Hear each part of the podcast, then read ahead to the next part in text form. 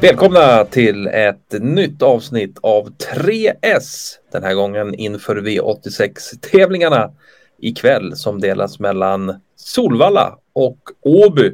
Vad gäller den eh, kombinationen av banor som tävlar Linus? Det gör man väl. Det är ju en eh, spännande kombination. Loppen på Åby tenderar ju att bli lite annorlunda kört än vad, det, än vad de blir körda på de kanske mer traditionsenliga banorna. Så är det. Så att eh, det är spännande. Extra kittlande ikväll också kanske att det är jackpot. Det gillar du va? Det är väl aldrig fel att få lite extra pengar när man är rätt ute, vilket vi hoppas och tror att vi är. Mm, de ligger ju åtta rätt spotten de pengarna så det gäller ju att pricka in alla åtta rätt. Och som eh, lite hjälp på traven till det så har vi våra tre rubriker här i 3S som vi nu ska gå igenom och vi börjar med spiken.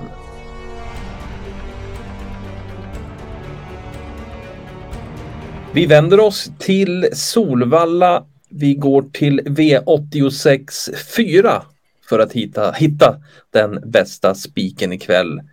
Det är nummer fyra, Capitano, har jag avslöjat nu också. Och varför är det den bästa spiken ikväll?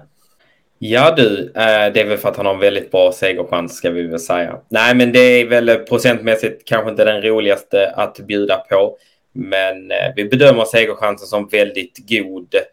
Det här är ju en häst som är van att vinna, vunnit fyra av sex starter i år, gjorde senast debut på svensk mark, visar då att han är väldigt bra för klassen.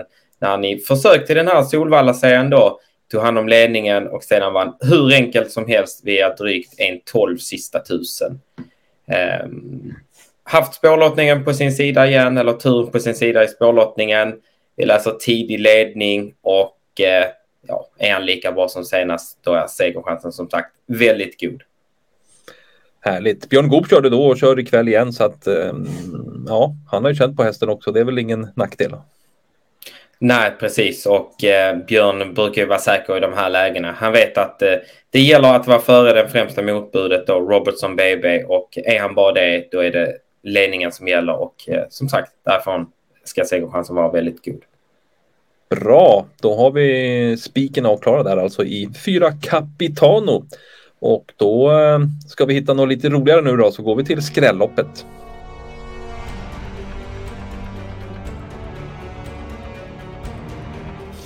Roligare och roligare, ja det är roligt att ha en bra spik som vi hade där men det, med det jag menar med roligare var att vi ska hitta skrällbud och lite eh, lågprocentare. Och var gör vi det någonstans då? Vi backar bandet till den andra finalen av Solvalla-serien, V86 2. Eh, som eh, ser lite öppna ut än vad spelarna kanske har gjort det till här, i alla fall när vi spelar in här på onsdags, onsdag lunch får vi väl säga. Vi har ju en favorit, ganska klar sådan, i ett Global Dash. Men äh, honom håller vi inte ens som högst segerchans i loppet. Så att äh, här finns flera fynd att göra. Ja, det låter ju härligt då. En eh, hårt betrodd häst som vi inte tror så mycket på. Då. Vilken eh, häst ska vi lyfta fram som det ja, främsta skrällbudet då? Först och främst eh, vill vi varna för eh, tre Cash Winner. Eh, han var ju, gjorde ju eh, comeback, eller vad man ska säga, efter långt uppehåll eh, från Sverige, ska sägas, eh, näst senast. Eh, och stod för en riktigt bra insats. Var ju med i en tuff körning, men fick sedermera släppa ledningen ändå till obesegrade Winterburn. Fick sedan luckan bakom denne, men lite för sent eh, för att eh, verkligen utmana. Men jättefint intryck och sköt till bra som sagt. Senast var han en del betrodd Um, hade då spår invändigt om Melby Imperial men dummade sig och gjorde bort, med, gjorde bort sig med galopp redan före bilen släppte fältet. Känns som att spelarna har glömt uh, hur bra den här hästen är på galoppen senast. Totalt bortglömd ikväll och uh, det är bara fel. Mm, ja, det var väldigt låg procent på den med tanke på det intrycket där på uh, när han var två på Solvalla. Så att ja, spännande med tre cash winner. Hade du något mer att bjuda på i det här loppet innan vi går vidare? kan väl nämna en sådan som Nio Santis Hilton också som eh, eh, Eh, det var inte länge sedan han var tvåa slagen på målfoto av Barack Face sprang då en tolvtid från ledningen. Jag vet att det är lite annorlunda förutsättningar med bakspår men eh, han har en rygg på en startsnabb häst i Global Dash. Låt säga att han eh, håller upp ryggen där och får ryggleda. Luckan kommer 200 kvar. Ja, då vill vi definitivt sitta med streck på 9 Santis Hilton till under 5 mm, Ja, det låter ju riktigt härligt om man får in en sån lågprocentare. Det behövs ju för att få upp utdelningen på V86. Så att ja, 9 Santos Hilton skulle ju vara en rolig vinnare på det sättet.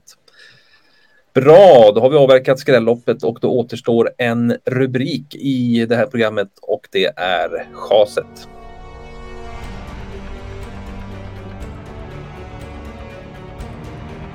Yes, då har vi den här rubriken kvar då och det är chaset. En hårt betrodd häst som vi inte tycker ska vara så hårt spelad och som vi inte tror lika mycket på som spelarna. Eh, vilken häst är det i den här omgången? Vi går till den sista avdelningen. Det är favoriten faktiskt. Fem Global Classified. Um, vi kan ju bara kolla på raden. Det är en väldigt jämn häst som presterar bra nästan till varje start. Men uh, ja, han kommer säkert göra en bra insats ikväll också. Men är faktiskt inte överdrivet imponerade över kapaciteten eller höjden i hästen utan håller tre hästar som eh, betydligt bättre och därmed får han faktiskt som favorit stå utanför systemet. Mm. Fem Global Classified, alltså en häst som vi tycker har blivit alldeles för hårt spelad eh, i nuläget här i kvällens omgång.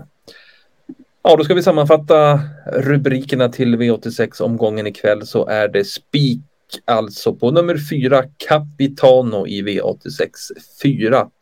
Skrälloppet, ja det var V86 2 där eh, skrällarna som vi främst lyfter fram eh, är nummer tre Cash Winner och 9 Centis Hilton. Och sen chas då i V86 8 på nummer 5 Global Classified.